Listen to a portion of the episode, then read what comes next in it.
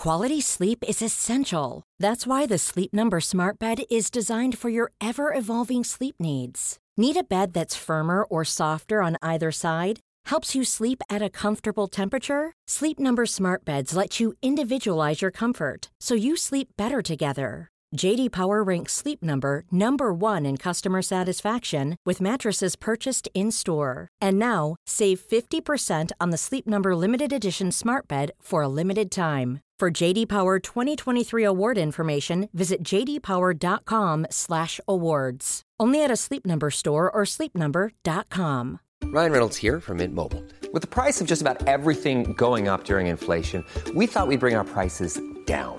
So to help us, we brought in a reverse auctioneer, which is apparently a thing. Mint Mobile unlimited premium wireless. Ready to get 30, 30, bit to get 30, bit to get 20, 20, 20, bit to get 20, 20, bit to get 15, 15, 15, 15 just 15 bucks a month. So, Give it a try at mintmobile.com slash switch. $45 upfront for three months plus taxes and fees. Promo rate for new customers for limited time. Unlimited more than 40 gigabytes per month. Slows. Full terms at mintmobile.com.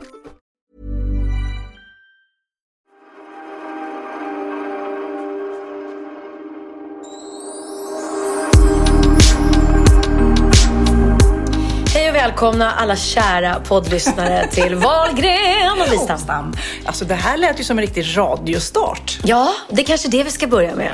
I i det här avsnittet kommer ni få höra oss prata om eh, orgasmer, om kändisars assistenter och eh, mycket, mycket mer. Jausa, jausa! Då kör vi. Nej, men vi tänkte börja med att läsa ett mejl som vi har fått. Som börjar så här.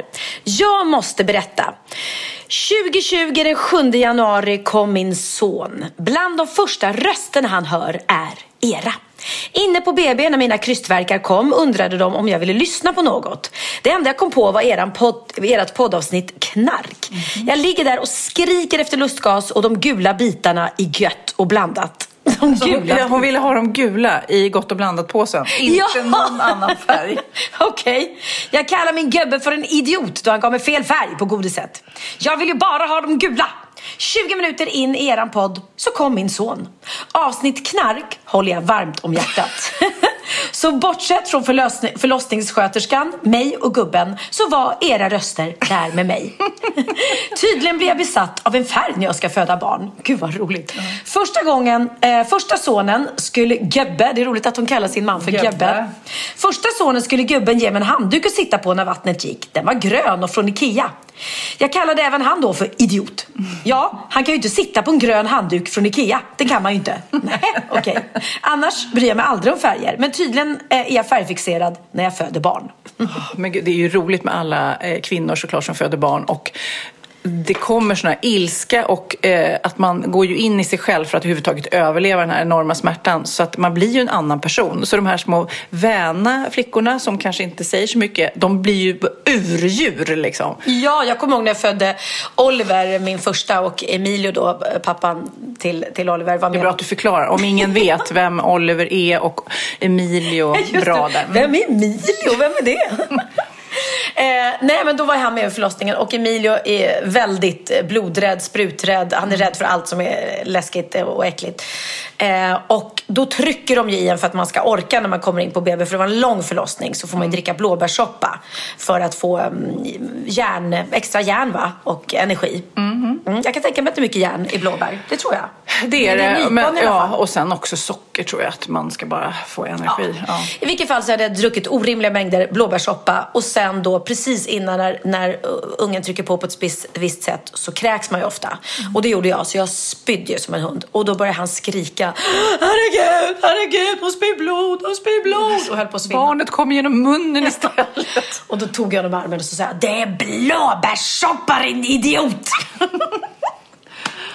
Nej, men Ja, jag, var jag, jag, eh, jag går, eller mina fyra förlossningar, jag går verkligen in i, in i mig själv liksom. Ja. Och bara liksom, rör mig inte, gör ingenting. Det enda som jag kommer ihåg som Magnus gjorde var så himla bra. Tips till er som ska föda barn snart. Får jag gissa? Stryka eller massera ryggen? Nej, för i Nej, helvete. nej. Mig fick man inte ta Nej, på liksom. nej. Det är att bara hålla koll. För verkarna, det finns ju då en mätare som ser när verken är på väg att börja. Och den håller i ungefär så här 30-40 sekunder eller vad det är om jag minns rätt. Och då ser man också när den börjar dippa och släppa. Och då får man ju en liten andningspaus då in, inför nästa. Ja. Men Men då sa han liksom, ah, nu är det fem sekunder kvar. Nu, och då kunde man liksom bara, nu är du halvvägs av verken. Och då bara, okej, okay, halvvägs, jag, jag, fixar, jag fixar en halva till liksom. Ah.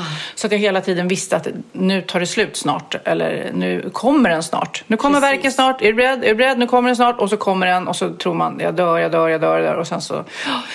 Ja, ni som lyssnar nu och snart ska föda barn kanske inte blir jättetaggade, men det är värt det kan vi säga. För sen, i samma sekund som den där lilla bebisen kommer upp på magen, eh, då eh, har man inte ont längre. I samma sekund så försvinner smärtan. Ja, det gör det verkligen. Det gör det. Tills de ska trycka ut moderkakan. Då jävlar gör Men det är ändå marginellt om man jämför med ungen. Liksom. Det är ju, alltså det är ju, jag kommer verkligen ihåg sista förlossningen med Lennox. Hur jag ligger där och bara, hur i helvete kan jag ha gjort det här tre gånger tidigare och ändå gör det igen? Du vet, inte liksom försöker skrika mig till någon slags eh, kejsarsnitt eller någonting utan man bara, nej men du vet, gärna bara glömmer bort, förtränger den där sjuka smärtan. Ja, det, är, det är faktiskt sant. Det är, men det är ett mirakel att vi kan föda barn. Det är ju ett mirakel och som sagt var, det är ju det häftigaste utan konkurrens som man har gjort i livet. Så att, Tänk dig Sofia när vi sitter här någon gång och poddar och bara jag ska bli farmor eller jag ska bli mormor.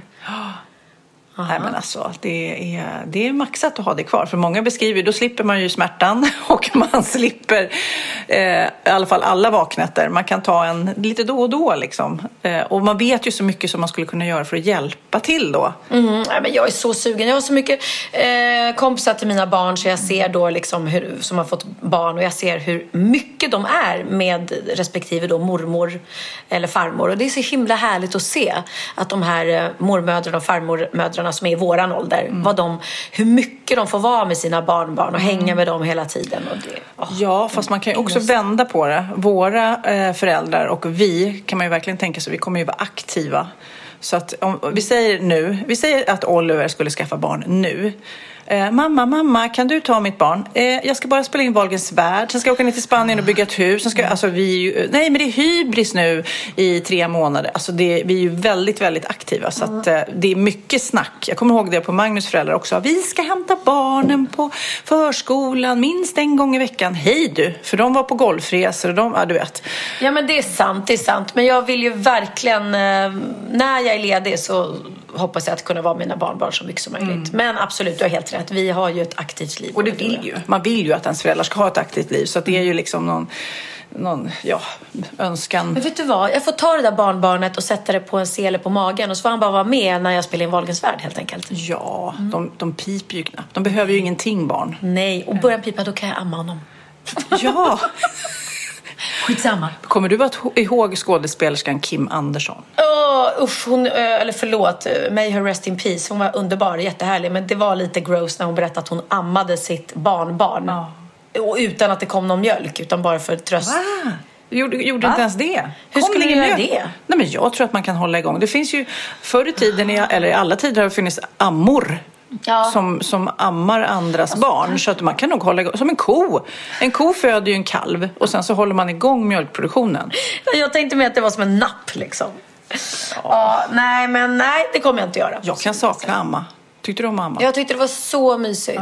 Mm. Förutom när man fick så här mjölkstockning. Nej, jag bara- vet, det var hemskt. Men jag kan verkligen så blunda och komma ihåg hur det kändes när mjölken rinde till. Rann till kanske. Ja. heter. Rinde till. Rinde till. Nej, men hur det bara blir så här. Det är någon eh, Ja, det spände till hela bröstet Ja. liksom. Och så, mm, ja, Och, då, och så man kände då klockan, okej. Ofta så kanske man kände det innan barnet pep och vill, ville ha mat. Man bara, okej, nu är det snart på gång. Liksom. Ja, ja, gud vad sjukt att vi sitter här 54 och pratar barn och amning. Så otippat. Nej, men jag kommer också, det har vi kanske sagt tidigare också, när man kommer fram till då, typ då Lennox när han var född, jag var- jag var 40 då, att det här var sista. Nu stänger vi skaffa barndörren. Det är en sorg. Det, jag tycker det är sorgligt att man bara, okej, nej, men jag ska inte vara gravid mer, jag ska inte amma mer, jag ska inte ha småbarn. Jag tycker, jag tycker det var tråkigt att stänga den dörren. Ja, absolut. Nu hade inte jag liksom något förhållande så, men jag vet att efter Theo så hade jag lätt, hade vi fortsatt att vara tillsammans, jag och Theos pappa, då hade jag lätt kunnat tänka mig ett femte barn. Eh, f- För jag vet att han ville då kanske ha fler barn. Eh, men, eh, men däremot så var jag ju livrädd efter honom när jag träffade nya så var jag inte sugen på när man fortfarande kunde bli gravid och man bara shit hoppas inte jag blir barn nu för jag, jag hade faktiskt till skillnad från dig så hade jag inte lust att ha barn med tre olika pappor. Någon måtta får det vara på Dömer du mig? Dömer du mig nu? Nej, det gör jag verkligen inte. Men då kände jag så här, nej, nu, nu får det räcka liksom. Mm. Nej, men jag tycker ju också... Eller vi- vet du vad, jag ska vara helt ärlig. Jag träffade ingen då som, som jag var så kär i. Hade jag träffat någon som jag hade blivit störtförälskad i och känt att nej men gud, nu har jag ju träffat man i mitt liv. Eller, då hade jag säkert kunnat skaffa ett femte barn med en tredje man. Men det var ingen som... Nej, den dörren var stängd. Behöver- Men du, du måste berätta, precis när jag kom hit till dig då, vi poddar här hemma i Pernillas kök igen, så ringde det på dörren. Och då sa Christian, tittade du och sa, ja men det är en, en vanlig man som ringer på. Men jag sa, "Vad, en vanlig man, inte en. Och du var lite nervös och så gick du öppna och berätta vad han ville. Ja, Men jättegulligt. Det var en äldre herre. Han hade åkt från väst... Äldre i vår ålder eller äldre? Äldre. Mm. Ehm, 70 kanske. Eller 60 plus. Nej, 70. 70. Ja, eh, och han hade åkt från Västerås. Och han sa att han skrev låtar. Och när han hade hört Benjamins Allt det vackra. Vi har allt det vackra framför oss. För er som inte har hört den, finns på Spotify. Så hade han känt så här, men åh, den typen av låtar skriver ju jag också. Och då sa han, åh, och då kände jag att jag har faktiskt en massa låtar i min byrålåda. Och det skulle vara så fint om Benjamin lyssnar på dem. Tänk om det kunde vara någonting för honom.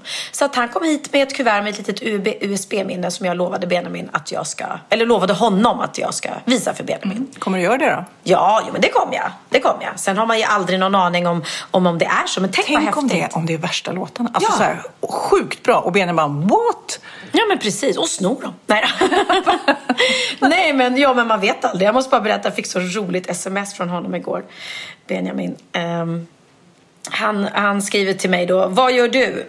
Eh, jag är hemma, jag är fortfarande trött och lite svajig. Jobbigt. Kristallmoden. Ja just det, vi har inte pratat om mitt kristallsjukanfall. Det ska vi göra Det också. ska vi göra. Men jag ska, kristallmoden? Frågetecken. Ja, precis. Jobbigt. Och- sen kommer då en resumé av hans dag. Själv träffade jag Linus och morfar på en kaffe idag. Supermysigt.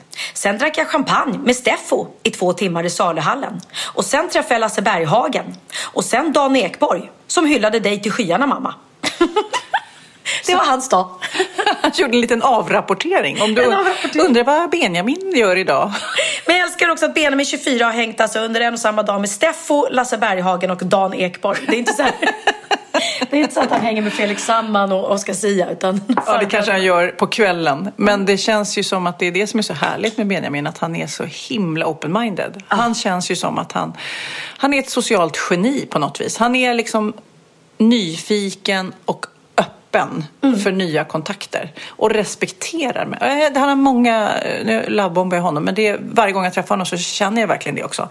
Att han tar in nya människor och är trevlig mot alla. Alla. Och känner igen folk. Jag känner inte igen en kotte. Jag möter nya människor som är gamla människor hela tiden och de tänker att jag är jättestroppig för att jag inte känner igen dem. Oftast har jag bara inga glasögon, men du vet.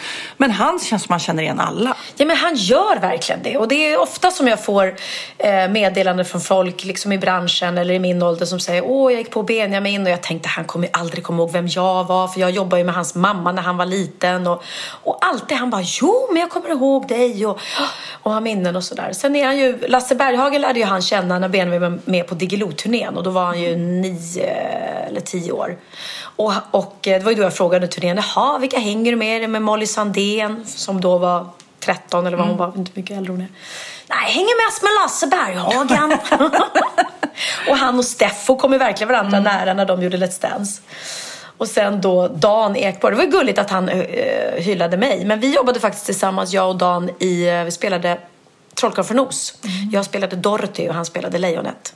Och jag kommer ihåg att han redan då var väldigt sådär, ja, men imponerad av mig och tyckte, framförallt tyckte han att jag hade sån rå och grabbig, rolig humor. Kommer jag ihåg att han sa. Förstår inte vad han pratar om. Förstår inte vad han pratar inte. Fina jag, fina flickan jag. Ja, men sånt blir man ju glad av, verkligen. Mm. Verkligen. Men vad, du berättade för mig också här tidigare att Filip och Fredrik i sin podd också hade hyllat Benjamin. För de, jag, jag har inte hört det själv. Eller du har också bara fått det berättat. Ja, precis. Jag har också fått det berättat folk som hade lyssnat på deras podd att de hade hyllat honom, att han var liksom ehm, ett unikum i, ehm, i tv-branschen. Jag, jag har inte lyssnat, men jag antar att det är att han, att han lyckas vara både kreddig och folklig och att han går rakt genom rutan. Och de typ hade varit så här, men vi kan lika gärna slu, sluta nu liksom. Han har tagit över. Men de, de och det tycker jag, för de är... De kan ju vara eh, hårda och ärliga liksom. Gud, ja. eh, så, och eh, det kan ju gå åt båda håll liksom. Men om de gillar något, då, då är det antagligen väldigt bra. Ja, nej, men det är jättefint att få, få... Det var ju som när jag blev hyllad av Henrik Schyffert eh, och Nor i deras podd. Jag var ju så... så Alltså man blir Stolt. ju så stolt. Ja. Och man blir ju stolt när de här lite kreddiga personerna som dessutom inte drar sig för att dissa folk som de eh, inte tycker om eller tycker är dåliga säger det rakt ut. Och Filip och Fredrik är också raka. Eh, men jag älskar ju dem. Jag tycker alltså det här alla mot alla. Eh, Jättebra, jätte, jättebra. Åh, det är så bra. Jag skulle önska att jag var lite smartare så att jag fick vara med. Men det där är också, eh, humorn är på något vis, jag har roligt eh, med er, inte åt er. Nej. Och det är ju en balansgång. Det finns ju en annan stor manlig podd som eh, verkligen mobbar många och eh, utsätter, ja men skrattar åt folk. Ja, och precis. det gillar inte vi, förstår ni? Nej, nej, det gör vi verkligen inte.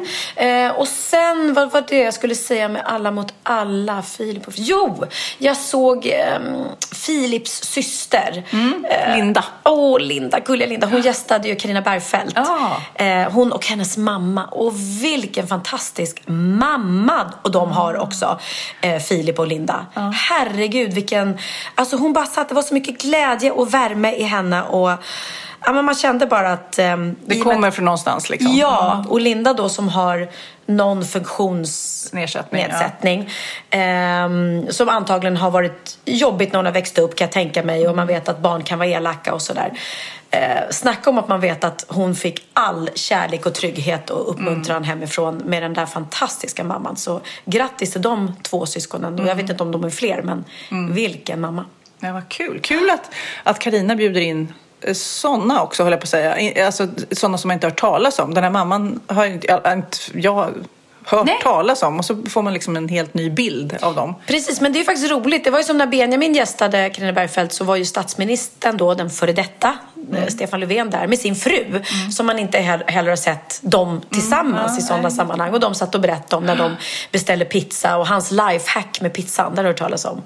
Ja, att han inte gräddar den helt klar. Nej, han ber att få pizzan halvgräddad och sen kör han in den i ugnen det sista själv när han kommer hem. Och då blir den ju, då får man inte hem den där liksom saggiga, halvkalla Vad tycker Benjamin? Han kanske aldrig köper färdig pizza, Benjamin. Inte hem tror jag inte. Det har jag svårt att se att han gör. Men han går gärna och äter en bra pizza på restaurang. Och jag blev jätteglad att se att Karina Bergfeldt också bar eh, min kollektion från eh, GKs i sitt program. Hon har också burit mina halsband från By Sofia. Det blev jag väldigt glad för. Ja, men man blir ju så glad när man ser sina verk på... Ja, på... Det måste vara som att, ja för dig då, när du hör Piccadilly på radion. Nej, men kanske för Benjamin när han skriver en ny låt. Exakt. Jag kommer verkligen ihåg på, i min Orup-tid, där när man var med liksom från demo till inspelning till skivsläpp. Och sen när man hörde på radio första gången. Alltså man var så här, ah, stopp, stopp, stopp. Man bara vill att alla ska bara stanna till och bara, this is a big moment. Liksom. Ja, och jag vet att Benjamin, det bästa han vet är ju när körer har sjungit in hans låtar. Eller om någon ung tjej sitter vid pianot och har tolkat någon av hans låtar liksom, på sitt personliga sätt. Han blir ju så stolt och glad. Nu blir jag så med Vad Kids är det låtar. som åker ute på isen? Det ser ut som en barnvagn utan... Nej. Nej, ja. det var en mamma som hängde över barnvagnen. Alltså, vi sitter ju då medan vi poddar och tittar ut över isen och ser en massa hurtiga människor som åker skridskor. Jag har liksom aldrig Men du- greppat skridskor. Ja. Känns det helt okej att en ensam mamma ut åker skridskor med en barnvagn på den isen? Jag fattar att den är hård. Men Men det är ju 30 andra på isen, Pernilla. ja, Inte 30, men ja, jag vet inte. Ibland, vissa dagar här ser det ut, så, ser det ut som att det inte är is. Det ser ut som att det är vatten när den har börjat smälta. Och ändå folk ute och åker. Men jag bara tänker, ska man inte ha med sig någon mer om något skulle hända? Jag, jag då eh, som gammal öbo som har trillat i några vaka i mina, mitt liv, eller mina dagar. Eh, just att åka skridskor på is gör, det här är ju en liten sjö vi tittar ut på så det är inte Ja, havet. nej, men men eh, att åka skridskor på is och åka skidor på is gör att man kommer väldigt långt ut på tunn is. Om man går, bonk, bonk, bonk, bonk, då går den oftast sönder och då har man tjockis bakom sig. Men om du åker skidor... man tjockis bakom sig? Då har man tjockis bakom. Eh, tjockis, tjockis. eh, nej men då, då, men då är det då ofta man sitter riktigt i skiten. Alltså om man har skidor på fötterna eller skridskor. Så att, tänk på det när ni är ute och åker på tunn is. Ja, verkligen, verkligen. Du, nu tänkte jag prata orgasmer. Jag vet att du tycker det är lite jobbigt, men jag läste en ny undersökning nu om att det är väldigt, det är vanligare än vad man tror, att både tjejer, även vissa killar, men det är lite svårare, men många tjejer fejkar orgasmer. Men killar har jättesvårt att fejka orgasm. Snälla, man Nej. ser. Man ser. Ja, men man tittar väl inte Man- alltid på själva utlösningen? Nej, men äh, känner man inte det då? Alltså. Ja, det, ja, det finns Jag vill killar. Inte, ja. Spottar i handen. Nej, vad äckligt. ja, jag tror det. Men däremot tjejer är det ju jättevanligt. Vi ska i alla fall lyssna på den mest klassiska fake-orgasmen som har gjorts på eh, film i alla fall, när Harry mötte Sally. Då lät det så här. Right. That's right. I forgot. You're a man. What is that supposed to mean? Nothing. It's just that all men are sure it never happened to them, and most women at one time or another have done it, so you do the math. You don't think that I can tell a difference? No. Get out of here.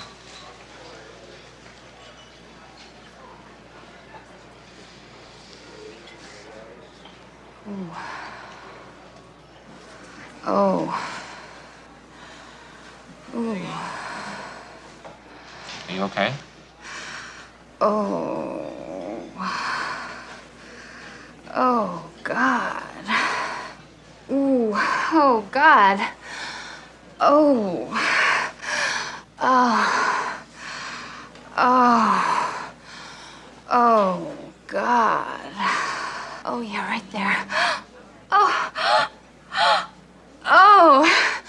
Oh. Oh. Oh, God. Oh. Yes. Yes. Yes. Yes. Yes. Yes. Ah. Oh. Oh, yes. Yes. Yes. Oh. Yes. Yes. Yes. Yes. Yes. Yes. Oh. Oh. Oh. Oh, God. Oh. Ja, det där gamla klippet då. Det är roligt. Ja, det är väldigt kul. Men du, eh, okej. Handen på hjärtat. Har du fejkat en orgasm i livet? Vi behöver inte säga när. Det behöver inte vara nu med Christian, men i livet. Är det något du har gjort? Ja, jo men det, det tror jag tyvärr att man kanske har gjort. Och inte, det, det är mest bara för att... Eh, Slut på skiten! Nej men jag tänker så här. Eh, Det finns ju ett antal killar man har träffat som verkligen tänker så här. Damerna först. Du vet att de aldrig skulle s- släppa till om inte det går för tjejen. Och ibland så känner man ju, man känner att det här kommer liksom, och det, det betyder inte att det inte är trevligt och skönt så här, men man känner att det här kommer inte gå. Nej. Och då, det är kanske då den ja, men precis. Men det bästa är om man kan vara ärlig med varandra och bara, vet du vad, jag är för trött, det kommer inte hända. Så att, eh, kör, kör din grej liksom. ja, ja, ja, exakt. Ja. Men i alla fall, det har eh, gjorts en rätt omfattande undersökning nu som har kommit fram till det såklart att eh, många kvinnor eh, i ett förhållande med en man eh, ändrar sitt sexuella beteende på så vis för att skydda partners självupplevda manlighet. Det här är intressant. Att du vet, vi, vi säger, nu drar jag alla kvinnor att vi fejkar då för att mannen ska känna sig mer maskulin med sin självkänsla. Och det här är speciellt kan vi säga eh, när män är tillsammans med kvinnor som tjänar mer då, till exempel nu, nu, jag tar bara Christian och Pernilla som namn. Så, för då blir det, nu säger jag inte att det gäller er, men i, när det är obalans kanske, att någon tjänar väldigt mycket mer än den andra. Då känner kvinnan av det här och då fejkar de så att mannen ska känna, ja ja, men du Men i klarar... sängen. I sängen är du en riktig hingst liksom. de, de försöker kompensera i sovrummet, spekulerar forskarna om. Eh, och då är deras syfte då, kvinnorna, då, det är att skydda männen. Men i slutändan så blir ju även männen ett offer då för samhällsvärderingar, skriver de, i den där generella bilden av vad manlighet är eller borde vara. Men det är ju den där klassiska, jag har ju faktiskt spelat två sådana roller som är helt sjuka när man tänker efter. Först Annie i Annie Get to Gun som går ut på att Annie är, hon har levt själv och uppfostrat alla sina småsyskon själv utan mamma och pappa. Hon har blivit väldigt, väldigt bra på att skjuta. Ehm, för att det är väl så hon skjuter så att de får föda till familjen. Och sen träffar hon då den här Frank Butler som då åker runt på en cirkus och uppträder för att han är så pricksäker skytt. Och Annie är ju bättre än vad han är. Eh, och det här tar ju på hans manliga självförtroende. Och så åker de ut på turné och sen blir ju eh, Annie kär i honom. Och han blir väl kär i henne också. Men han har ju väldigt svårt för det här att hon är bättre än honom på prickskytte. Så vet du vad hon gör i slutet? Nej. Hon lägger sig. Hon låtsas. För, för kärlekens skull så fejkar hon att hon förlorar. Och då blir ju han kär i henne och så kan de bli tillsammans. Nej, gud! Det är så, ja, det är så töntigt jag orkar inte. I, sen har jag spelat Sandy i Grease. Ja.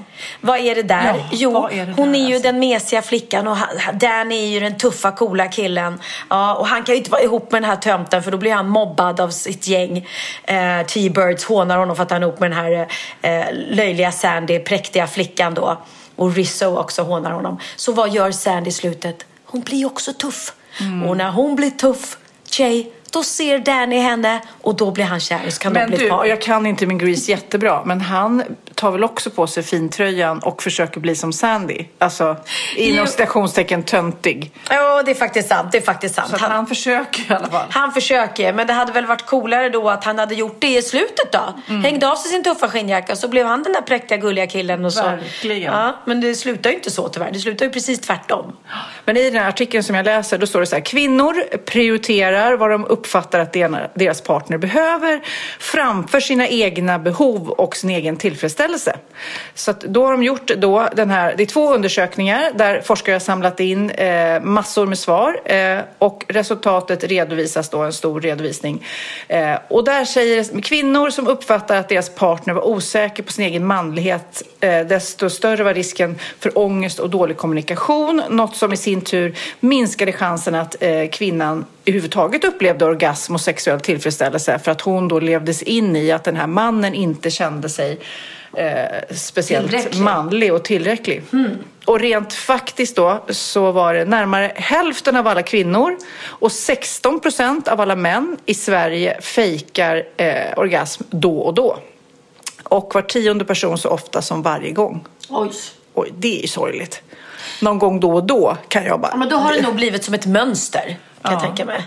Men just jag blev lite förvånad över den här äh, ekonomiska grejen. Att man tänker att oj, oj, oj, nu har han dåligt självförtroende. För, för det har man ju nu verkligen, läser jag inte in dig och Christian i det här eller. Jag tänker ju bara att eh, det är rätt omodernt att tänka att ekonomi ska ha med det att göra. Ibland, ofta så växeldrama. Ibland känner jag mer, ibland känner Magnus mer. Alltså, det är ju ett växeldrag. Ja, absolut. Och jag har ju faktiskt alltid varit den som har tjänat mest pengar i alla mina förhållanden. Eh, och jag har varit väldigt också sådär, eh, samma sak på teatern så har jag ofta vetat att jag tjänar mer än vad min motspelare gör.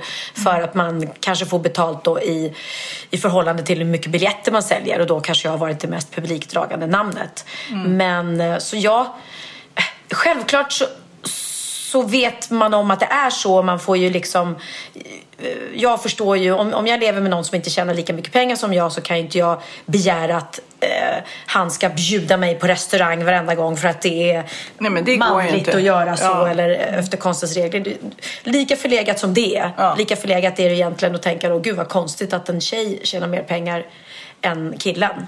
För det handlar ju inte om det. Det handlar om vad man har för yrke och vad man har för förutsättningar och hej och. Men jag bara tänker om man ska bara prata om om det är okej att fejka eller inte. Eller om det är, alltså orgasmer pratar jag nu om. Eh, för jag tycker inte det är så laddat. Om det är liksom, det är klart att det är kanske enklare att ha någon slags ärlig kommunikation. Som du säger. Att bara, nej men vet du vad.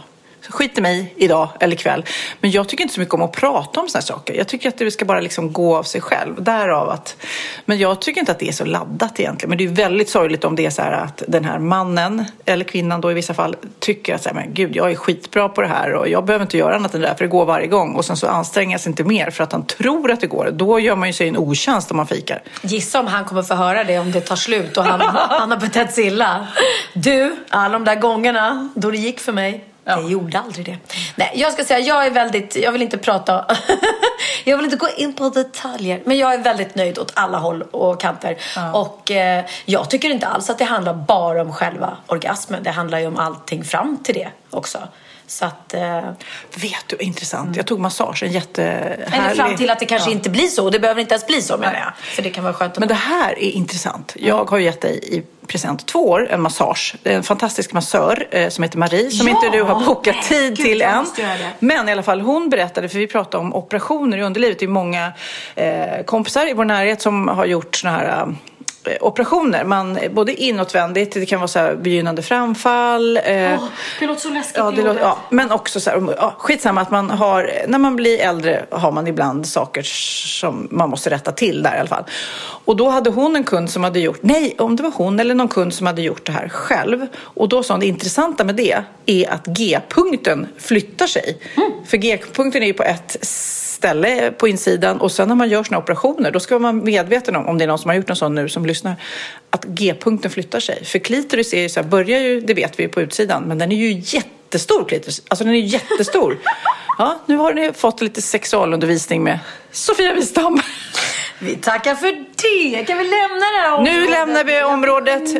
Ja, du blir generad. Det är det enda viktiga, tycker jag, eh, och som den här undersökningen kom fram till i slutändan. Ärlig kommunikation eh, och att förstå sin partners sexuella behov. Det, Och- ga- det gagnar både kvinnan och mannen. Och jag vill bara säga en sak. Om det är någon eh, tjej eller kille som lyssnar nu, ung eller gammal, som gör något mot sin egen vilja i sängen med partnern. Gör aldrig Nej. det. Gå aldrig med på någonting. Ja, jag tycker inte att det är skönt eller jag tycker att det gör ont eller jag tycker att det är obehagligt. Men han eller hon eh, går igång på det. Nej, det, alltså sex ska vara en ömsesidig ehm, sak och båda ska vara med på, på allting. Gör aldrig någonting mot din vilja eller något som inte är skönt eh, bara för att den andra ska vara nöjd.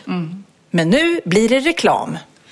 Ja, eller blir det verkligen det? Jo. Betalt samarbete med Knegoffs va?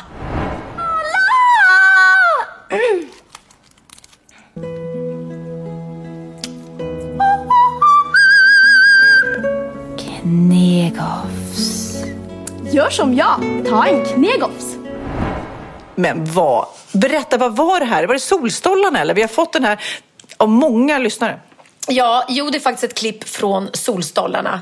Och alla som är uppväxta på 80-talet minns ju dem. Ehm, det hade nog inte gått att sända idag på tv för det var ju eh, några skånska äldre herrar som, som hade massa lättklädda unga tjejer. Bikinitjejer som gick och åmade sig och de bara åh. Så märkligt. Men jag var ju med där i några avsnitt och då gjorde vi en liten så rolig parodi på en reklamfilm. Så den är väldigt rolig. Jag, tar, eh, jag kan inte sjunga alls först och sen tar jag en Knegoffs halstablett och då sjunger jag ju som en liten lärka. Vi eh, lägger upp det här klippet också på Wahlgren och Wistams Instagram. Där kommer ni kunna se allt möjligt kul som vi pratar om här i podden. Eh, så. Och vet du vad? Du ska få en present av mig. Nej men Eh, den här köpte jag till dig eh, när jag var ute och tittade på mitt kök och då tänkte jag på dig att du gillar ju leopard. Så du får ju liksom... la, la, la. Åh gud, är det en tvål? Ja. En leopardtvål. Oh my god. Och är det ett leopardljus? Oj, oj, oj, oj, oj. Ett doftljus Tack snälla. Det kan väl vara fint på din gästtoa? Du, det kommer vara så fint. Det ska upp redan ikväll. Oj, oj, oj. Det, här, det kommer också bild på Wahlgren och Wistams Instagram. Puss vad du skämmer bort mig. Hey, I'm Ryan Reynolds. Recently, I asked Mint Mobile's legal team if big wireless companies are allowed to raise prices due to inflation. They said yes. And then when I asked if raising prices technically violates those onerous two year contracts, they said, What the f are you talking about, you insane Hollywood ass? F- So to recap, we're cutting the price of Mint Unlimited from $30 a month to just $15 a month. Give it a try at mintmobile.com slash switch. $45 upfront for three months plus taxes and fees. Promo rate for new customers for limited time. Unlimited more than 40 gigabytes per month. Slows. Full terms at mintmobile.com.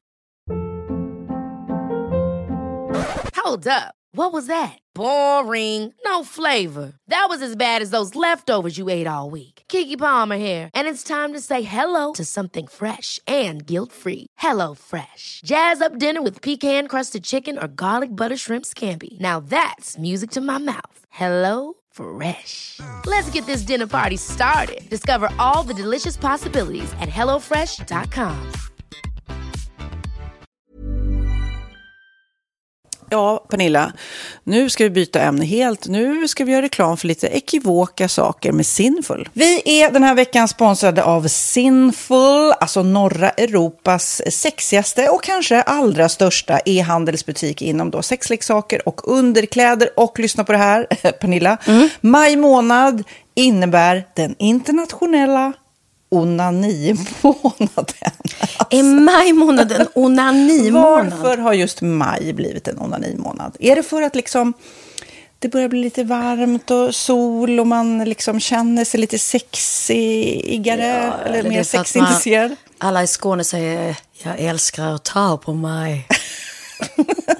Nej, men Förstod fall- du den? Nej. Ta på mig. Ta på mig! Ja. Jag förstår. Det är Du- därför det du- är maj ja, månad. Mm. Du är så rolig du. 28 procent av svenska kvinnor onanerar varje vecka och 50 procent onanerar minst en gång i månaden. Tycker jag ändå det var mycket. Ja, men det är väl, man tänker ju på mer, eh, är man i par, då tror jag, det här är bara vad jag tror, att, kanske man in- killar onanerar mer än vad tjejer gör när Mm. man är i en relation och tjejer typ ser sexgrejen som något man gör i par. Eller vad tror du? Har jag Ja, förutfattade men- meningar kanske? Jag tror att när man, för det kan ju vara så här, är man utan sex under en lång period, då kan ju onani vara en, en bra sak för att hålla det uppe. Mm. Men å andra sidan så vet jag också att, eh, att, att eh, ryktet går att om man har sex mycket så ökar sexlusten. 100%. Ja, och då kanske man vill eh, Hålla igång det, hålla liksom. igång det när man är borta ifrån varandra. Och då är det ju fantastiskt med sexleksaker. Ja. Nej, men jag eh, håller verkligen med om att, att det nästan är som en knapp man sätter på och av. Mm. Och när man då inte är i en relation så är det helt sjukt. att Man kan liksom stänga av sexintresseknappen. Vilket är tråkigt, för det, jag tror ju också på lite det där eh, som man brukar skämta om. Vad är det för surkärring? Ja, men har du inte fått ligga? Nästan så är det. Att man liksom bejakar liksom, att en orgasm gör att man liksom blir en härligare människa. Jag kommer ihåg när vi hade den här podden och jag inte hade förhållande och inte hade Nej. sex och inte tog hand om mig själv på något sätt. Och du satt och pratade om vad som händer i kroppen Ja. när man får orgasm, hur nyttigt det är. Och jag bara, holy shit, holy shit, jag måste, jag måste skärpa mig. Men det är också som en låsning, för du hade ju en låsning. Ja. Vi var ju verkligen alla kompisarna. så, Okej, de här leksakerna kan du ha. Det här kan du titta på på film. Liksom. Det finns ju varianter av sexfilmer som kan Mm. vara liksom, upphetsande.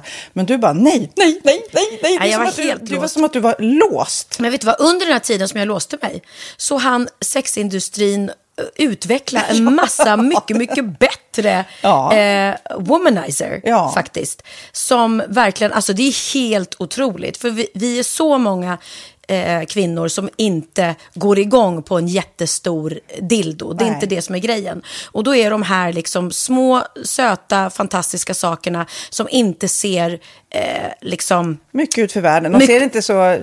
De, eh, de vibrerar bara väldigt trevligt. Ja, och de är otroliga. De gör verkligen sitt jobb. Mm. Och jag älskar att man kan beställa dem på nätet. Så att är man liksom lite blyg eller tycker att det är lite obekvämt men ändå vill testa så behöver man inte gå in i en affär och göra det.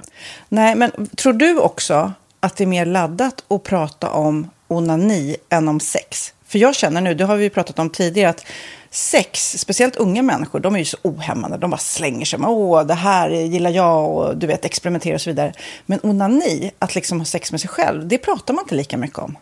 Nej, men det Eller i alla fall inte vad jag hör. Nej, men det är ju en väldigt privat sak. Det är ju en privat sak som sker eh, inte ens mellan två människor utan bara mellan en. Så jag kan ju förstå att det är svårare att prata om och just därför så är det väl kanske något som man vill hålla för sig själv. Man behöver inte prata om det, men man kanske... 100 procent, man behöver Nej. inte prata om det. Nej. Samtidigt som att det är rätt befriande att sätta ord, det har vi pratat om tidigare, att liksom, har man vissa önskemål och preferenser så det är ju inte alla partners som är tankeläsare. Liksom. Nej, så det, det kan vara en, en krydda i, i sexlivet. Vet jag att många har, tar det som hjälpmedel. Många har det som den enda eh, varianten för att få orgasm.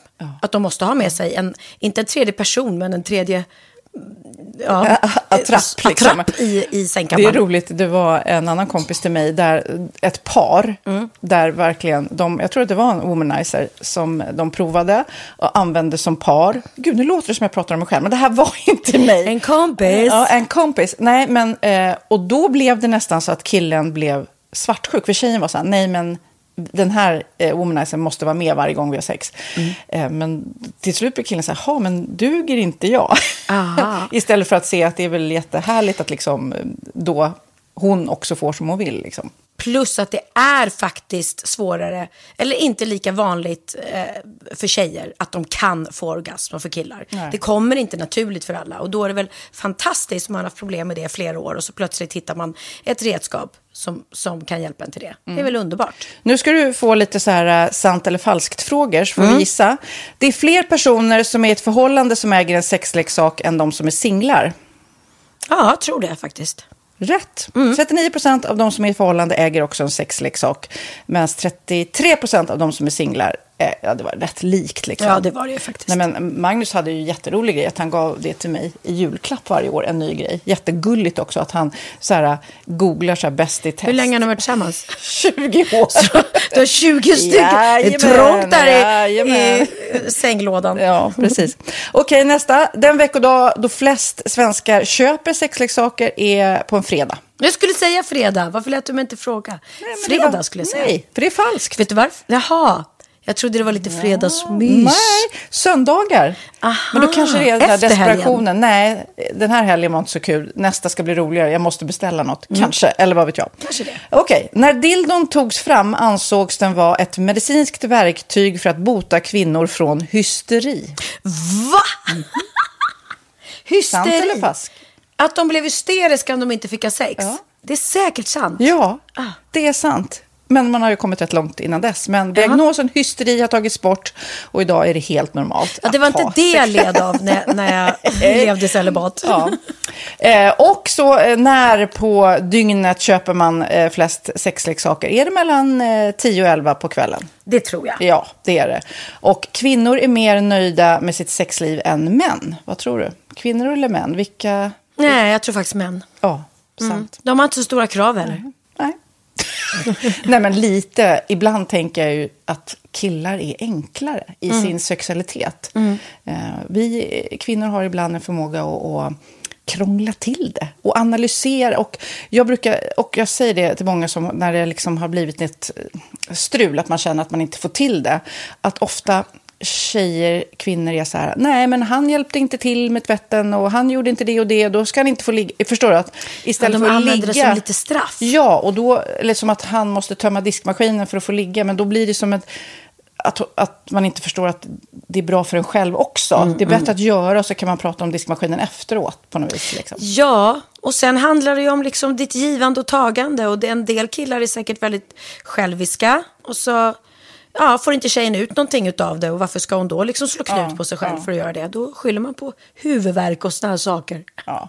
Men vi ska påminna om Sinful då, har massor av roliga grejer på hemsidan och dessutom har vi såklart en rabattkod, Valgren och Vistam, som ger er kära härliga kåta lyssnare 10% rabatt på sinful.se och den här koden gäller inte på nedsatta produkter och den är giltig från nu till den 30 juni 2024. Så att, eh, ja. Hur var koden nu igen?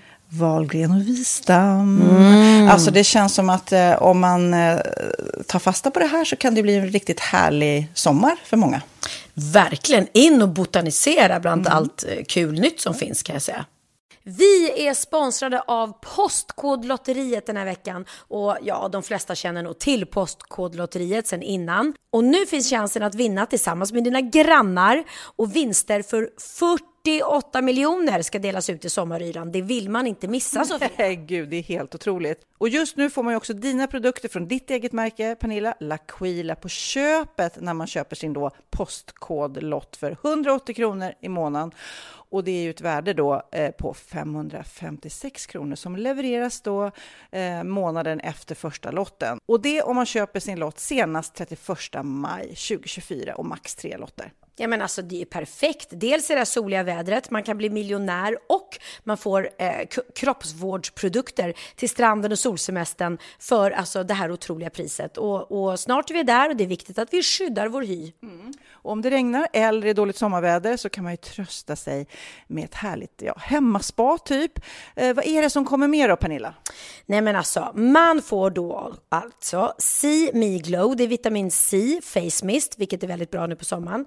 Pina Colada som är en body sugar scrub, One in a Melon som är en moisturizing body gel och Must Be Mango shower cream. Du hör ju vilka roliga namn vi har. Nej men alltså det är ett otroligt kit för ett otroligt pris och så kan du bli miljonär på kuppen. Ja men det är ju inget att tveka om. Så köp din postkodlott idag på postkodlotteriet.se. Mm. Åldersgränsen är 18 år och kontakta stödlinjen om du eller någon anhörig spelar för mycket. Vinstsumman på 48 miljoner delas med grannarna i vinnande postnummer. Och du kan ju tänka dig själv om grannarna vinner och så har du ingen egen lott. Nej. Det kan verkligen bli grannosämja. Man vill ju liksom vinna tillsammans. 100 procent. Vi är sponsrade av Readly den här veckan och har du kollat in nya numret av Café Pernilla? Nej men snälla, mitt lilla gulliga, vackra, snygga, begåvade hybrisbarn kanske snart, jag vet inte. Benjamin, han har alltså vunnit årets, eh, Sveriges bäst klädda man eh, just i Café, så han är ju på omslaget den här veckan och jag har inte hunnit kolla in det ännu, så jag ska verkligen göra det. Ja, men du kan göra det i iPaden direkt för du har ju Readly som vi har ett samarbete med. Men jag vet och jag älskar ju Readly. Och för er som inte har koll så är det alltså en digital prenumerationstjänst med över 7000 tidningar och magasin i en enda app som är tillgänglig på din smartphone, surfplatta eller dator. Mm. Och jag har alltid gillat magasin, man älskar dem och bläddra i dem. Men det är helt omöjligt att köpa alla och de är tunga och de tar plats. Och nu så har man ju hela tiden den här appen med sig och det är perfekt. Då håller man sig uppdaterad med både så aktuella händelser i dagstidningar, man kan lära sig nya saker, dyka ner i favoritintressen. Jag älskar ju fotografi till exempel, det finns massor med fotomagasin. Och dels har de ju massa pålitliga, väletablerade källor i appen såklart, som är en av anledningarna till varför människor älskar Readly, men också för att man liksom kan testa upptäcka lätt, för det är väldigt dyrt och omständigt att gå och köpa till exempel, vi säger en sportfisketidning och sen så är det ingenting för dig. Nu kan du liksom bara klicka dig runt och upptäcka nya intressen.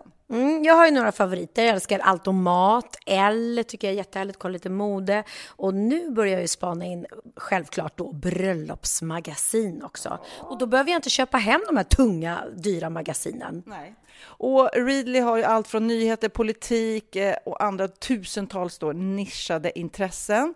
Eh, de har allt du söker med andra ord. Och inför sommaren så är Readly en dröm, så praktiskt att ha med sig. Och har man inte tillgång till mobilnät eller wifi så slår man ju på offline-läsning och det funkar också otroligt bra. Nej, men det är så bra. Och jag älskar ju att läsa magasin och läser ofta när jag får en stund över för att koppla av, till exempel i sminket inför en show eller till morgonkaffet eller på flyget, tåget. Oavsett vad man är på för humör eller vad man är sugen på att läsa så har Readly allt jag önskar i appen. Mm. Så bra! Och vi har ju såklart ett litet erbjudande. Just nu får ni sex veckor för bara 9 kronor. Alltså, lyssna på det.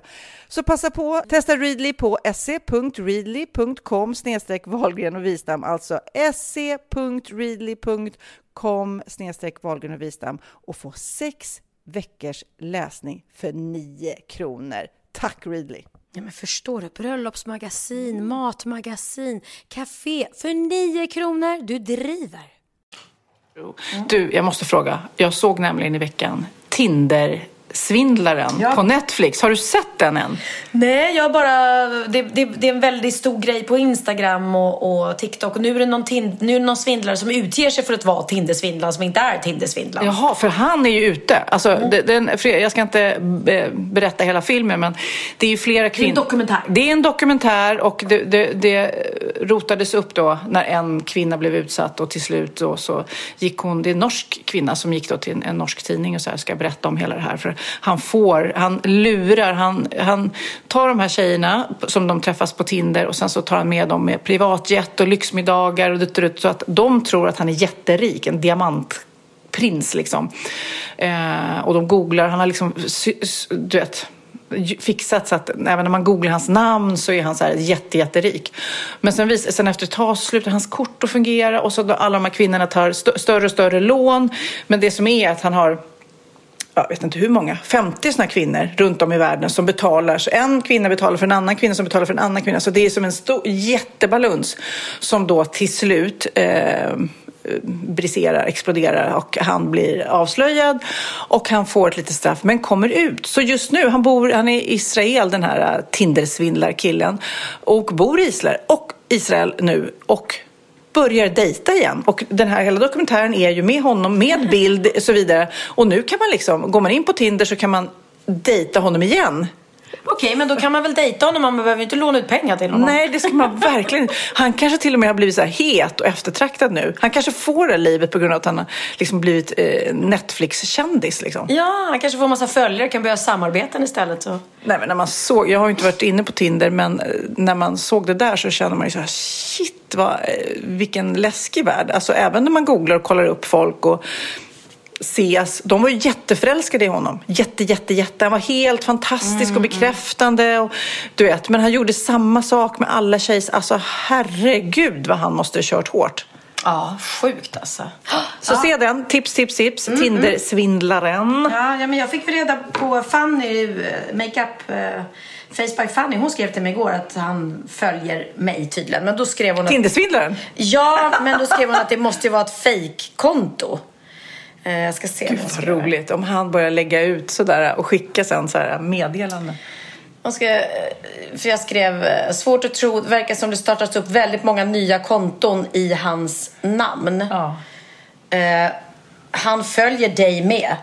Men det verkar väldigt konstigt att den riktiga startar nytt konto börjar följa just oss. Det måste vara fake såklart. Undrar varför folk vill låtsas vara honom. Jag, jag, jag vet inte. Jag har ingen aning. Gud vad konstigt. Ja, ja. Var uppmärksam. Se filmen och var uppmärksam. Simon heter han tydligen. Han följer Nour El Refai också kanske.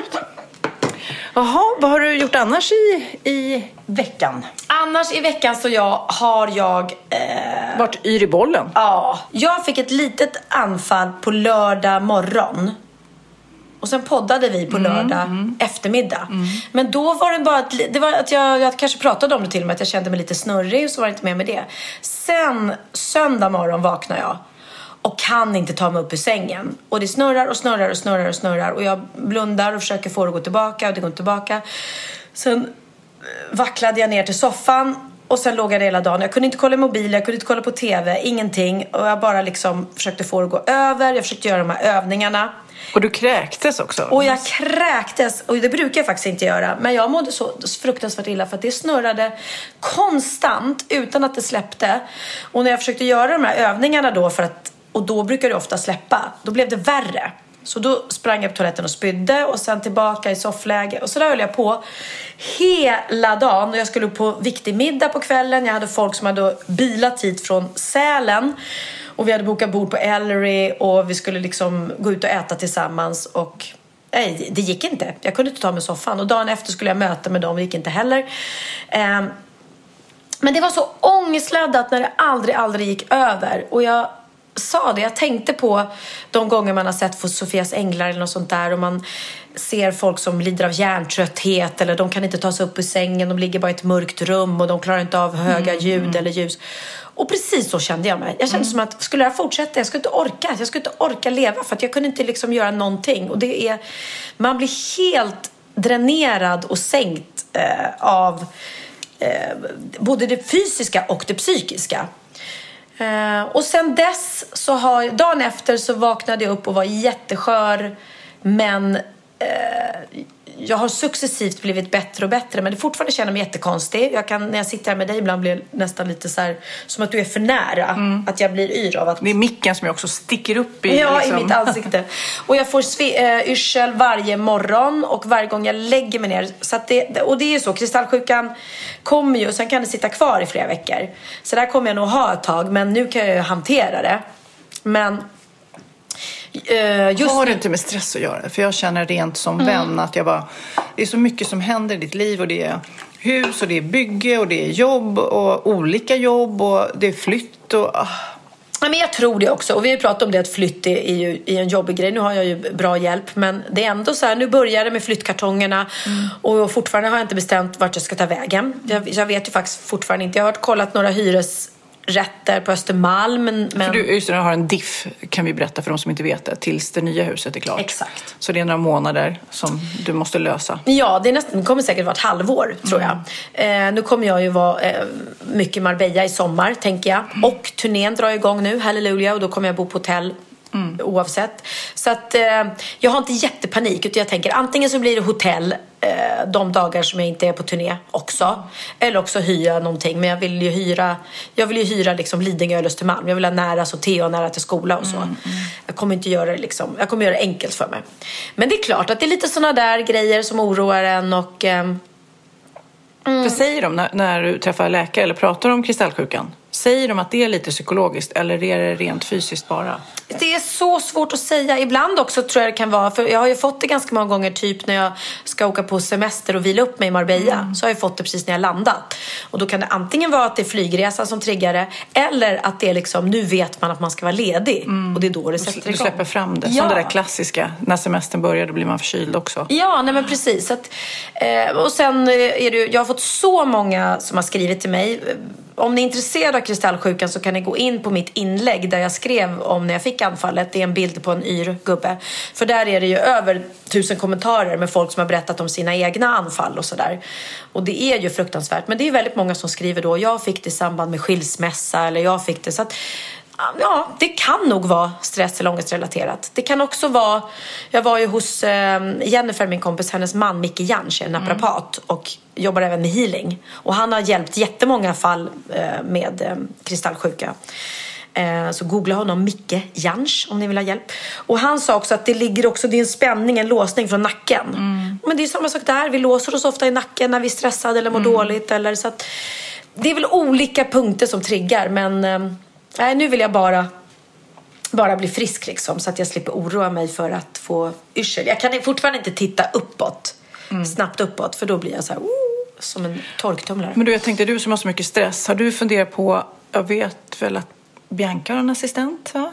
Som är hennes högra hand. Hon har två assistenter. Hon har två assistenter. Men du har ingen assistent. Du har ju Emilia som bokar eh, samarbeten och hjälper dig, men det, det är ju inte en klassisk assistent. Nej, kanske inte på det sättet eh, som Bianca har, att jag kan avlasta henne. Men jag känner ändå att jag har en manager och jag har en eh, som hjälper mig med mina samarbeten. Och jag kan också lägga väldigt mycket, alla förfrågningar och allting lägger jag ju på dem. För det är också stressrelaterat när, när man lägger ifrån sig telefonen och sen har man hundra sms när man tittar på det nästa gång med folk som vill ha Ha saker. De, de vill ha saker. Nej men de vill ha svar och så. Ja. Och, och mycket av det kan jag faktiskt lämpa vidare då på, på Lasse i det fallet, min manager. Sen har jag en ekono ekonomisk assistent som jag kan lägga mycket av de bitarna på. Och hon är också fantastisk och hjälper mig med mycket praktiskt. Till exempel i huset i Marbella och sådana saker. Så jag känner ju att jag har avlastning och hjälp. Men vi får väl se. Nu har ju Ia klivit in och eh, det är möjligt att, att jag kanske kommer anställa henne som min assistent. För hon är ju sån jäkla doer. Hon tipsade mig häromdagen om massa grejer hon kan göra för mig sen också. Så att, Det gillar man. Jag, jag hittade två såna här eh, kändisar som har sökt assistenter. Ja. Eh, Bingo Rimér till exempel. Han skrev i en annons här. Jag söker en person som är stresstålig och strukturerad, hårdhudad och kan jobba obekväma tider. Skicka en video som är max en minut lång där du berättar om dig själv och om varför du är rätt person och körkort är ett krav. Sök nu inte jobbet om du är en mespropp som vill bli känd och börja lipa när jag blir irriterad för att du har glömt att beställa hem matlådor till barnen innan deras träning.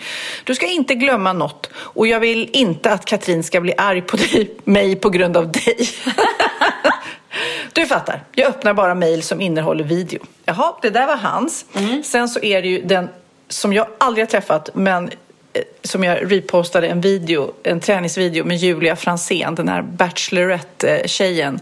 Det var du som hade fått videon och jag snodde den och la upp på Instagram när hon eh, tränar sina yttre blygdläppar. Alltså den är så rolig. Så att då hon, helt plötsligt, utan att ha träffat henne, så bara kände att det här är en rolig tjej. Ja, ja det var ju en skämtvideo men Ja. den var ju fruktansvärt rolig. Väldigt roligt, för man kan inte träna upp eh, sin, sina blygdläppar. Så kan vi ju summera. Om ni killar trodde det så finns det inga muskler där. Nej. Julia skriver så här. Eh, du ska lägga upp ett rutinschema. Eh, väck Julia. Sätt på morgonmusik, fyll vattenflaska, bädda, städa i ordning, se till att hon mediterar. Gå igenom dagen och gå sen till gymmet. Eh, och sen efter då se till att... assistenten gå till gymmet vill hon? Jag menar, se till att Julia går till Jaha, gymmet. okej. Och sen så hämta paket och skjutsa och göra ärenden och filma och fota och planera och allt det där som man kanske då tänker att en assistent ska göra. Men det, eh, Ja, jag vet är- inte. Ja, är man så busy liksom? Är alla de här unga influencerna så jäkla busy alltså? Alltså de, det är väldigt många som har assistenter nu faktiskt. Jag vet ju det att ja, Bianca har ju två. Och det roliga är att Lovisa då, som hennes, var hennes första assistent, som hon då eh, sökte efter när vi filmade Wahlgrens värld. Det här är ju några år sedan. Och Lovisa då, gullig så här helylle-tjej från Norrköping. Och nu är ju Lovisa värsta influencer liksom själv. Hon har blivit så jäkla... Eh, ja men du vet, hon ser ut som värsta fashion model och bara 160 000 följare på Instagram och, och jobbar både som modell och, och, och, och influencer liksom. Så hon har ju fått det är därför hon, Bianca var tvungen att eh, anställa en ny assistent för att hennes assistent hade för mycket att göra. Assistent behövde en assistent. Nej, men det jag förstår även utomlands, eh, Kylie Jenner, hon har en Victoria Villarreal som då också har blivit stor stjärna själv. Och det är väl det eh, som blir. Selena Gomez har någon Teresa som gör det. Och innan dess så var hon assistent till Kim Kardashian. Så det blir väl att de rekommenderar, de här superstjärnorna rekommenderar varandra. För man måste väl...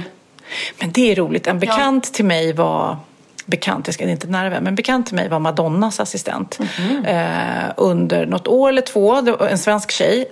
Att, eh, Och hon slet rätt hårt. Och sen så ville hon, hon skulle utbilda sig till barnmorska. Så hon bara, nej men nu flyttar jag hem till Sverige och lämnar det här assistentlivet. Och Madonna bara nej, nej, nej, nej, nej. Så fortfarande, fast hon är i Sverige och pluggar till barnmorska så får hon så här samtal från Madonna. Så här, kan, du kan du bara köra den här turnén? Du vet, så, här, bla, bla, bla. så en bra assistent som då är effektiv och iskall och ser till att det blir bra. Det kanske inte växer på väggarna. Och det, det måste verkligen vara någon som kanske inte är kändisimpad i huvudtaget. Liksom. Växer på väggarna, inte på träden. Det växer inte bra assistenter på väggarna. Jag har aldrig Växer på väggarna? Vad växer? De växer inte på träden. Nej. Jag försöker tänka, är det något som växer på väggarna? Mögel möjligtvis. Jag har gjort så mycket Sofias änglar, där det är mögliga hus. Nej, men det ja. Nej, men och sen vill jag säga, för det är ju så med en bra assistent måste du också kunna lita på till 100 procent. Mm. Och därför tror jag också att det ofta att det blir så som i Biancas fall med Lovisa. De är ju bästa vänner idag. Mm. Alltså Bianca klarar sig ju inte utan Lovisa. De är ju, och, och inte då för att Lovisa är Biancas assistent utan för att de har blivit så otroligt tajta. Mm. Och Lovisa är någon som Bianca verkligen kan öppna sig för och prata eh, om allt med. Så det är ju eh, jättefint. Men jag kan känna lika väl som det kanske är så att jag behöver en assistent men jag gillar också att göra de här grejerna. Jag tycker det är skönt ibland när jag ska hämta ut massa paket och åka runt och göra vardagssaker. Jag, gillar, håller med, jag håller med. Ja, jag gillar att köra barnen till aktiviteter eller hämta dem och eh, laga mat eller se till så att sen har jag fått, herregud, jag har väl vä- bästa assistenten i Christian nu som, nej men han Men avlastar- livspartner blir ju ja. en assistent, för då är man ju helt plötsligt två om husliga saker. Liksom. Precis, jag la upp det också på Instagram för ett tag sedan. Att eh, en morgon liksom, som började med att Christian hade gått upp, eh, väckt Theo, kört honom till skolan, rastat hundarna, gett dem mat, eh, dukat upp frukost, eh, väckt mig med kaffe och jag bara legat och sovit. Och jag bara, livet i tvåsamhet ändå. Och då menar inte jag absolut inte att jag utnyttjar Christian, men det är ju fantastiskt när man efter så många år som jag som singel som har gjort allt själv och van att klara mig själv plötsligt märker att wow, vi kan hjälpa varandra. För jag hoppas att jag hjälper honom också någon gång. Ja, men underlätta för varandra och att det här med tvåsamhet är fantastiskt. När han, han ska ändå gå upp tidigt. Han gillar att gå upp tidigare än jag på morgonen och då kan han lika gärna köra Theo till skolan. Och jag får sova lite längre. Det är ju... Ja, det gör ju mig jättelycklig. Det är så roligt. I källaren eh, så har vi en plats där jag eh, Förvara barnen. Förvara barn. Nej, men där jag ställer allt återvinning då, alltså kartonger och burkar och ja, du vet. Det- Och den där högen blir ju rätt stor va. Och så sa jag till Len också någon gång så ja men kan du inte ta, ta ner den där påsarna med papper eller någonting där? Vart då? Ja men dit ner. Ja du menar till Bermudatriangeln? Och jag bara Bermudatriangeln? Ja men det är det som pappa kallar det. Att du- du bara ställer det där och det försvinner och du bara Då ser du det inte längre. Nej men, nej men han kör ju bort allting Han där. gör det? Mm. Han gör ju det. Så han har, så jag ställer ner det i Bermudatriangeln och Magnus tar hand om det. Men jag bara tar det för givet att han gör det. Och jag tycker det är väldigt kul att de bakom min rygg har döpt det till Bermudatriangeln där då saker försvinner Försvann, ja. magiskt liksom. Fan vad roligt. Ja, nej, jag har ju hittat en guldkille Christian. För jag, han tar allt med sig varenda. Jag säger det, men gud jag tar det där sen. Men han bara tar det hela tiden. Det är, det är som en Bermuda-triangel i min hall också. Gud vad kul. Jag ska också prata lite om ryska konstnärer eftersom jag vet att du är så galet konstintresserad. Mm. Nej, men det, de har tokat, det finns en rysk konstnär nu som bara för några veckor sedan eh, riskerar fängelse för att han har placerat ut en skulptur som är en enorm låtsasbajskorv på eh, Marsfältet i Sankt Petersburg. Och eh, då, nu kanske han får, hans mamma försöker be om ursäkt, han menar inget illa. Men han då, den här eh, konstnären, han eh, säger själv att det här konstverket är ett sätt för honom att uppmärksamma att hundägare ska städa efter sina husdjur. Men lite roligt ändå. Fast ja, den kanske inte... Har du någon bild på den? Ja, jag ska försöka hitta den. Jag är beredd att be alla om ursäkt i Sankt Petersburg för min son har kränkt er. Min son är en väldigt intelligent person med sinne för humor, säger då mamman som heter Fotanka. Men det andra konstnärsgrejen som har hänt i, i Ryssland nu precis är ju att en nyanställd vakt på ett eh, ryskt konstgalleri. Han var så uttråkad så att han gick runt där. Han var nyanställd, gick och tittade på de här konstverken och det vet vi, modern konst är ju lite så här, ja, ibland tänker man den där kunde jag gjort bättre själv. Eller så här, ja. Då var det i alla fall ett, en målning som heter Tre figurer som är lite avantgarde och det är en tjej som heter Anna Leborskaja som har gjort den här. Det är, tre figurer då som inte har några ögon. Då. Det ska vara lite, lite, demonaktigt. så här. Då går den här uttråkade vakten och tänker att jag ritar dit ögon på det med en tuschpenna. Liksom. Han bara drabbades av någon tillfällig sinnesförvirring. Liksom. Tänk om man själv skulle gå på konstmuseum och bara, nej men det där skulle vara mycket bättre, den här skalliga herren skulle vara mycket bättre med hår. Och så bara målar man. Det är nästan konstigt att det inte har hänt fler gånger alltså. För vi går ju på, på museum så går vi ju nära konstverk. Får man det? Men inte, inte värdefulla får man väl inte gå så nära? Du kan inte Jo. gå fram till Mona Lisa och rita Inte lös Mona mustasch. Lisa, men det finns många om du går på Nationalmuseum. Det finns många tavlor du går nära. Det måste ju finnas en massa tokskallar som får för sig att rita dit mustascher eller... Ja, shit. Ja, apropå konst så har ju min fantastiska mamma, 84 Mm. år gammal, snart premiär på eh, Macbeth. Macbeth på Dramaten där Ja, hon spelar gud, drottningen. Och jag har ju sett bilder på henne. Hon ser ju fantastisk ut i sin stora röda peruk och så här tuff sminkning och, och den här eh, Enorma klänningen. enorma klänningen och den här gamla eh, läskiga kragarna de hade förr i tiden som så stora pappkragar. Det var så roligt när jag var här sist. Då var hon här och skulle iväg på repetition. Och du hade haft kristallsjukan och så här. Men du gumman, ta lugnt nu, ta det lite lugnt. Och jag bara, du mamma, ta det lugnt, ta det lugnt. Ni bara, vänta nu här, det är någonting som runs in the family. Ni kör så sjukt hårt båda två och hon är liksom över 80. Jag vet, jag vet. Ja, herregud. Men det, det är ju också det. Har man ett roligt yrke, då, då kan man ju jobba eh, så länge man lever. För att då är det ju inte som ett jobb, utan det är ju ett sätt att leva. Och min mamma... Skaffa dig ett roligt jobb så behöver du inte jobba en enda dag i livet. Var det väl någon som sa. Ja, jag tror inte min mamma har myntat det, men hon har sagt det väldigt länge och ofta. Mina barn, mina barn tror att det är deras mormor som har myntat det ordspråket. För hon har sagt det så mycket. Eh, nej, men så det ska bli så himla kul att se henne, för hon har premiär nu och de har haft otrolig otur som så många andra med såklart. Det är ju svårt att, att, nu de här tiderna för de har fått covid flera gånger och varit tvungna att avbryta repetitioner och skjuta på premiärdatum och sådär. Men, men nu ska det väl bli av så att eh, vi ska gå och titta på någon testföreställning här i veckan för jag kan tyvärr inte gå på premiären för då spelar jag själv. Så då drar det igång. Nu drar det igång. Nu drar det igång. Så att nästa, den 18, jag vet inte om det är fredag eller lördag, men då har jag nypremiär, eller vi, på Pernilla Wagen och Hybris i Norrland. Så då åker vi upp till Norrland och så spelar vi. Det är helt utsålt, eh, så det ska bli så jäkla kul att bara möta den här fulla publiken. Och då menar jag inte att de ska vara fulla. Kanske tre personer är lite fulla också. Ja, då. kanske det har tagit. Förvärmt där. Liksom. Exakt. Nej, det ska bli så kul. Och, och eh, ni som vill ha två timmars garv, gå in och beställ biljetter nu på pernillavagenahybris.se för nu vågar man boka biljetter. Mm. För nu, nu ta med 17 blir det ingen nedstängning igen. Ehm, så att, nej, det ska bli så jäkla kul. Men jag måste ändå säga, hatten av. Du har ju många bra egenskaper, men just nu så sa du, det du ska göra nu efter vi har poddat klart, är något som jag ska anamma. Nämligen ha, även med vuxna barn, lite så här kvartssamtal, utvecklingssamtal som man har med personal på firmor. Det är man så här, går igenom hur mår du och vad gör du i livet. Det ska du göra med dina barn. Ja, vi bestämde det, faktiskt. jättebra.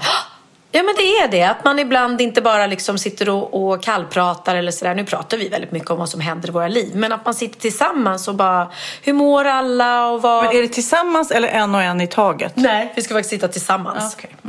Och, och bara prata om hur alla mår och, och um, vad man kan göra för att underlätta eller hjälpa eller liksom... Pratar du om hur du mår också då? För jag, bara- ibland, jag vet ju som förälder att man inte riktigt vill belasta sina barn med sitt eget mående om man skulle må dåligt. Nej, precis. Eh, men det är ju en balansgång. Men vuxna barn kan man ju säkert. Hade jag mått dåligt psykiskt eller så eller liksom... ehm, eller om det är något som jag känner att skulle ni kunna avlasta mig med det här eller tänk på det här. Eh, eller jag blir ledsen om ni säger så här. Det är väl sådana saker man, man skulle kunna ta upp i sådana fall. Ehm, men också skönt att bara höra, nej, jag är på en bra plats just nu och jag mår jättebra och vad härligt. Och, jag tror bara bra att man, att man ses. Det är så bra idé. Jag ska anamma. Jag tror att jag ska ta en och en. Jag vet att min dotter i alla fall under tonårstiden skrek så här, mamma jag känner inte dig, jag vet vem, inte vem du är för du berättar aldrig hur du mår. Och då rannsakade jag mig själv så här, berättar inte jag? Och det är nog lite det att jag vill inte, om jag mot förmodan skulle må dåligt eller ja, gå igenom något, då vill jag inte prata om det för att betynga dem. Jag vill att de ska liksom ha ett... Men det kanske ibland man gör sig själv en otjänst. För de vill väl också att man ska vara mänsklig och känna saker. Ja, och sen är det ju viktigt att ens barn alltid, alltid kan vara öppna och veta det. Att de kan komma och berätta hur de mår. Och ibland berättar de ju inte. Och det vet ju vi också som har tonårsbarn. Herregud vad svårt det är att få ur dem liksom någonting. Och eh, nu känns det med Theo som att han är... Alltså det finns inga problem. Men, men man måste ju ibland fråga verkligen. Är allting bra? Går det bra i skolan? Är, det, är allt bra med kompisarna? Så att de vet att de kan komma och säga om det nu skulle vara någon gång att de inte mår bra. Eller Jag såg precis nu det kallas supertrailer när man liksom gör en trailer för en hel säsong eh, av Wahlgrens värld, nästa. Och då visade Pernilla mig den precis. Och då eh, verkar det som att Theo går från att vara barn till tonåring i nästa säsong. Och att man får känna på det där. Ja, men han, ja, han gör ju det. Alltså, det är ju nu liksom, det är ju nu den här åldern, 14, han fyller 15 nu i mars. Då man igen liksom, nu är han väldigt duktig ska jag säga. Eh, Och jag har också sagt till honom, du måste höra av dig vad du är, jag måste se vad du är, du måste alltid ha med din mobiltelefon, du måste alltid svara, för jag blir hysterisk annars. Eh, och jag kan inte sova på nätterna och jag kan inte, och jag säger det lite också i trailern att jag orkar inte börja om igen om man ligger vaken på nätterna och oroar sig eller någonting. Så att om han bara säger vad han är och jag vet var han sover och har kollat av att det är okej med föräldrar och allting, då kan jag koppla av och gå och lägga mig och sova. Annars ligger jag vaken hela nätterna och oroar mig. Jag orkar inte det. Nu är det dags igen liksom. Ja. Att jag- ja, jag känner att det precis börjar... Jag har ju också en 15-åring, men jag, än så länge är det lugnt. Ja, men och jag är så här, som igår, eh, för de, har, de brukar vara här ganska ofta, de gamer och sådär. Eller också är de hos andra kompisar. Och det är ju svårt i den här åldern när de inte riktigt vet var de ska vara. Nu kanske elverket öppnar snart på Lidingö, mm. för där har vi just den här alkoholfria diskon mm. som alla våra barn har varit på i alla år. Och de är mm. faktiskt bra mm. när man är just den här åldern man, innan man får gå på ut på vanliga ställen liksom, eh, där det serveras alkohol. Men igår då, då, då kom de hit, eh, då var de tre killar här och alla hade klätt upp sig. De var jättefina i skjortor och fintröjor. Och sen så kollade jag det på kvällen då, då var de hemma hos, hos någon då liksom. Och det var nästan så jag hoppades att jag hoppas det kom några tjejer dit också i alla fall som inte hade klätt upp sig förgäves. Ja, min yngsta har ju flickvänner. Oh, wow. Eh, de har varit tillsammans i tre månader. De, mm. de, går ju liksom, de sitter ihop. Det är väldigt gulligt. Men eh, han gör, de gör allt tillsammans. Det är väldigt gulligt. Ja, jag kan inte ens tänka mig den dagen Theo kommer hem med och skaffat flickvän. Men tid, det, alltså det går ju fort nu. Han är ju längre än vad jag är. Det är inte så svårt i och för sig, men längre än vad jag är. Gud, jag läste, apropå ingenting, men småbarn. Det var en åttaårig kille i USA. Han, skrev, han tyckte om att skriva, så han skrev en bok. Så han blev lite så här, jag vill också ha en bok på biblioteket. Oj. Så skrev han en bok själv, alltså för hand. Mm. Så la han den i bland alla andra böcker på ett bibliotek då. Och då har det blivit, den har blivit så populär så det är kö på att få låna den boken. För de vill, lå, eh, de vill låna hans eh, lilla handskrivna åttaåringstankar. Liksom. Nej men vad gulligt! Väldigt gulligt. Men vi ska avsluta podden. Gud vad vi pratar på. Mm. Eh, det är, I veckan har det kommit ut med att det är en artist, en svensk artist eh, som har spelats då en miljard gånger, den här låten. En miljard gånger så har Veronica Maggios fans lyssnat på hennes musik. Hon wow. blir därmed den första artisten någonsin som har uppnått det med sin låtkatalog helt på svenska. Så det var inte en låt. Eh, men... Alla hennes låtar sammanlagt? Just det, Men ändå, det som är så otroligt fett är ju att det är på svenska, vilket mm. betyder att eh, jag menar, Roxette och ABBA och så är mm. inte så konstigt mm. för de har ju spelats över hela världen och de sjunger på engelska eller Swedish eh, House Maffia ja. eller sådär. Men Veronica Maggio, en svensk artist som sjunger på svenska som har streamats en miljard gånger. Hatten av till henne. Hatten av. Och jag kan Plus säga... att hon, hon banade liksom väg också för en ny stil att sjunga. Mm. Om man tänker så här Linnea Henriksson och ja, det, ja, men det är många som kommer i henne. Oh, det låter lite Maggio. Hon mm, har liksom mm. myntat ett helt uttryck. Hennes mest lyssnade låt är ju helt, inte helt otippat. Jag kommer, jag, jag kommer, kommer, jag kommer. Den har dryga 80 miljoner streams. Alltså jag kan säga att den spelas väldigt ofta hemma hos oss. Mm. Hon har gjort många bra låtar, Veronica. Du får välja. Vilken ska vi sluta med? Ja, men för alla er som fejkar orgasmer, sluta med det. Utan eh, när det är dags, sätt på Veronica Maggio istället samtidigt som du sätter på din partner med Jag kommer. Jag kommer, som har dryga... Ja. Och så slipper du liksom säga det själv eller fejkskrika det själv. Utan... Dryga 80 miljoner streams har de på Spotify. Här kommer en eh, Veronica Maggios mest lyssnade låt. Jag kommer.